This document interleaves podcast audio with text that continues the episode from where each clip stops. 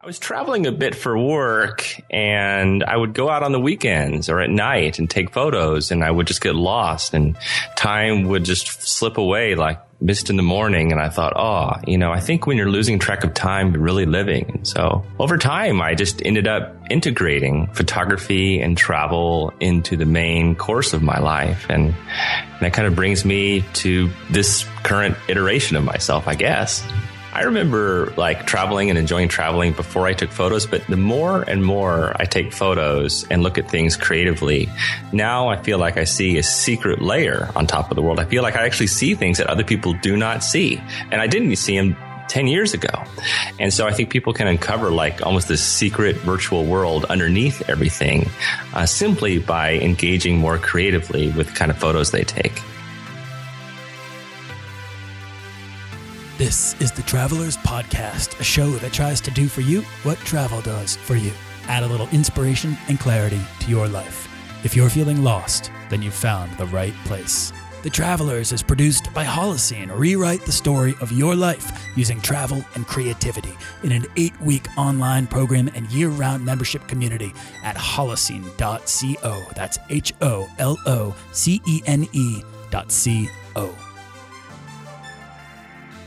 That was Trey Ratcliff from StuckInCustoms.com speaking way back on episode 59. Uh, Trey is blind in one eye, and in his own words, he sees the world in two dimensions.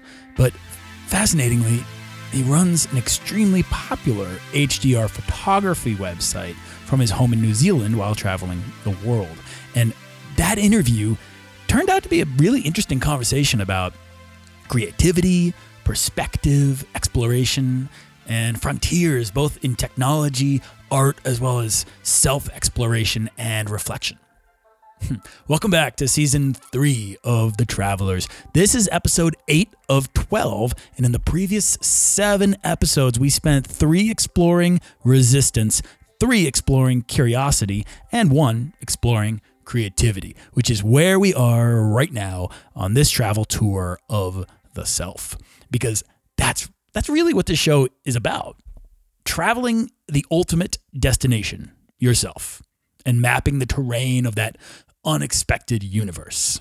Might sound a little abstract or maybe new agey, but it's it's what we've been doing on this show the whole time, uh, especially now.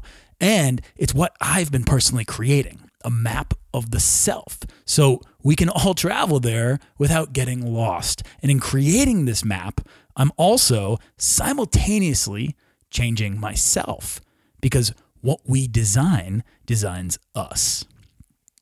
I want to tell you a story. It's a story about the person I was before I began this wayward journey that's led me here to become the person I am today speaking to you right now. So what what I did to deserve this identity and how I got here, right? That's what I want to talk about because uh, it was a choice. Even if I didn't realize it at first, it was like I built a door, but I didn't realize it was a door until it was a door. so I know that's kind of weird. The choice really, though, was whether to walk through it or not. And if there's one thing, you know, I want I want you to take away from this story, it's what I've already told you before. And that's I feel like I'm repeating myself a lot, but I'm, I really want to hammer this point home. Creativity is the forgotten third act of travel, uh, transformation. Creativity is the forgotten third act of transformation. And if that sounds familiar, it's because I, I keep repeating it. So it sticks in your mind. And creativity is the process by which we actualize possibility by converting inward inspiration into outward transformation. So, when I was five years old, my mother took my sister and I to England, where we stayed in a castle. It was an amazing trip. She pulled it off by swapping our house in Massachusetts, which is just a house, for an entire castle in the Lake District using some uh, home swapping network. Um, so there's a travel hack uh, I've been meaning to look more into, and I would highly recommend you check out if you have a home to swap uh, temporarily. Anyway, my mom, she's always been a super shrewd bargain hunter, but I swear this was the heist uh, of a lifetime. Uh, and I shudder to imagine the disappointment the castle owners experienced when they arrived to our house, while you know my sister and I were like gallivanting around their carriage house and castle grounds with capes and swords and uh, you know suits of armor that we could play with. Anyway, what I came to understand later was that my mother took this trip on the heels of divorce, and even though I had my sixth birthday in this castle. This experience there shaped my understanding of the capacity that travel has beyond just escape or distraction or relaxation or entertainment. And when I was r- running around my own kingdom in a cape with swords, you know, stolen from suits of armor and dancing on cannons and crumbling stone walls, I learned that magical worlds really, really exist if you just allow yourself to find them. And you don't have to be a kid to do that. And so later I woke to the sort of healing and restorative capacity for travel um, that was my mother's motivation for taking that trip. And it's not just about sipping frozen drinks by a pool, though I will never complain about that. But travel can serve as a refuge from the struggles of life, right? So fast forward 25 years into the future. And in 2014, I was a freelance designer just three years into a sort of halfway digital nomad lifestyle. And I say halfway because I spent half my time in Boston while traveling as often as I could escape.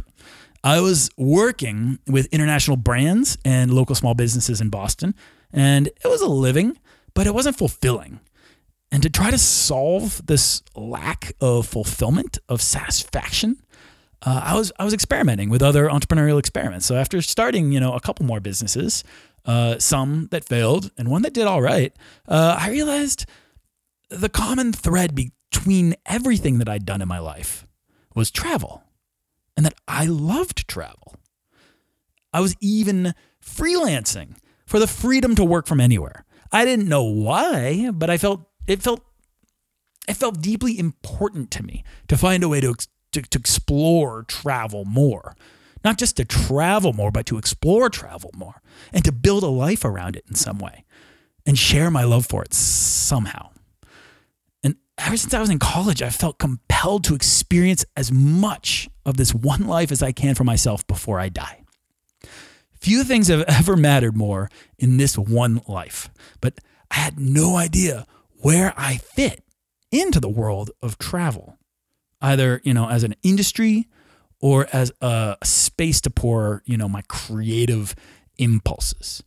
So one day I decided, okay, hey, podcasts are getting kind of popular. Maybe I'll start a podcast about travel, right? And so I did two things. First, I booked a flight to Switzerland. So I found a mistake fare for $150 round trip, Boston to Milan. And I set the intention for this trip to go to Zermatt, see the Matterhorn, be underneath its shadow, and there completely design what I wanted the podcast to be.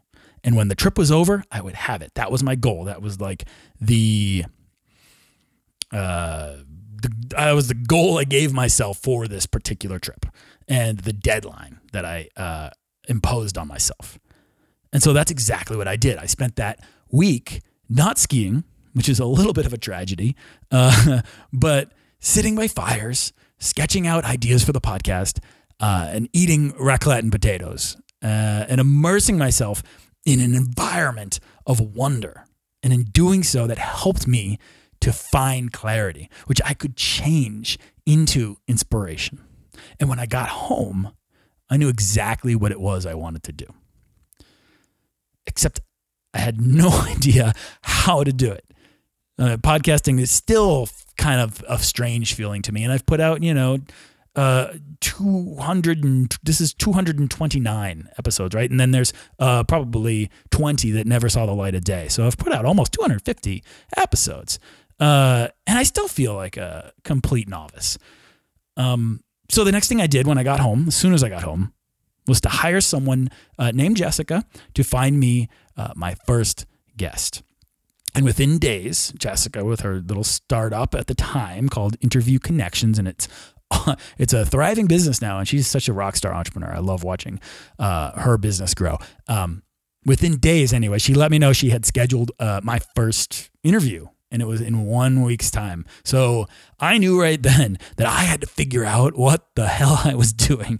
I had to go from big ideas to practical implement- implementation, and I had to do it fast. So I improvised and the Daily Travel Podcast was born. I knew that I wanted it to be the only daily show about travel, and I would focus on travel experiences, um, destination advice, um, oh, and travel hacking. That was a big focus for me when I first wanted to launch this show. But I'd never really interviewed anyone before. And to my surprise, you know, this ended up being my favorite part.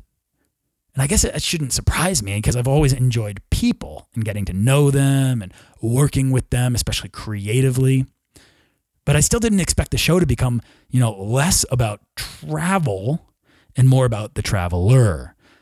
I still had my freelancing creative agency work, so I could just use the podcast as a way to kind of experiment and explore and figure out where I might fit in to explore travel. Uh, and when it launched, you know, the podcast hit new and noteworthy on iTunes, which at the time was like one of the most important places a new podcast could be to get discovered by new listeners. And that was exciting. And after a little while, I gained an audience. And then I started getting invited to speak around the world uh, at podcasting conferences and then at travel conferences. Uh, and then I, uh, you know, launched a membership site called Holocene around helping people step confidently into lives of travel. What I learned was that people responded to what I had to say. And that was kind of a strange thing. And as I interviewed guest after guest about their travels and creativity and how this similar process, this exact same eight stage journey that they had all gone on in their own unique individual ways, that journey had transformed them. And I noticed the funniest thing. I was experiencing that very same transformation. I was also on this eight stage journey. And the person I was now was somehow different than the person I was before. So, like all of them, I was writing my own story. I was no longer just, you know, playing a supporting role that others had cast me in. I was taking action and seeing results in personal growth, uh, confidence, and possibility for myself.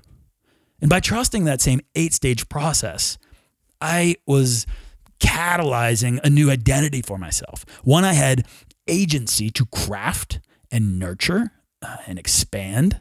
And maybe for the first time in my life, I had a greater understanding and sense of control over the person that I could become. So I found a sort of way to harness possibility. And then I sort of became obsessed with it. I, I felt deeply, deeply compared to share what I discovered. So I created Holocene. And that brings us here today.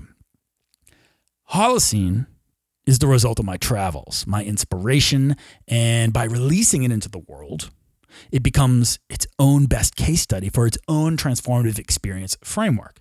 Holocene, uh, that's kind of meta, I'm, and I'm sorry because that's where I, my brain goes, but Holocene is how we can use travel and creativity to write our own story. One that, you know, lights us up as we lead more fulfilling lives, filled with adventure and the experience of being more alive, right? And, and finding lasting and repeatable transformation for ourselves. Who I am today is vastly different than who I was before. There is a uh, vastness within that I never knew existed before, and I am still exploring that today. And I know that there is a vastness within every single person. There's a vastness within you because I've been exploring this vastness, this expansiveness in every single interview and one on one study I've ever conducted. So you have this possibility inside you. And I know you've felt that before. I'm sure of it. I hope this is making sense. Sometimes I wonder if podcasting is the best medium to convey this process, but it's the one I chose years ago, so I'm committed to fully realizing the story we've all been on together. And that's what this season three of The Travelers is about. The Travelers began as an exploration, but it is now an expression of creativity, inspired by curiosity, by travel, by a personal expansion that occurred because I dared to chase questions instead of answers, because I was able to let go and let the world move me. This is a frightening process, but there can be an order to it. There can be a structure, eight stages to be specific. Holocene is this framework, and I cannot wait to show you more. And if you want to learn more about it, or if you feel called to join us on the adventure, or just listen to more episodes of The Travelers, then head on over to holocene.co, H O L O C E N E.co. I will see you there. And in the next episode, we will wrap up creativity with one of my favorite case studies. And then we'll dive into the final chapter transformation. Thank you for listening.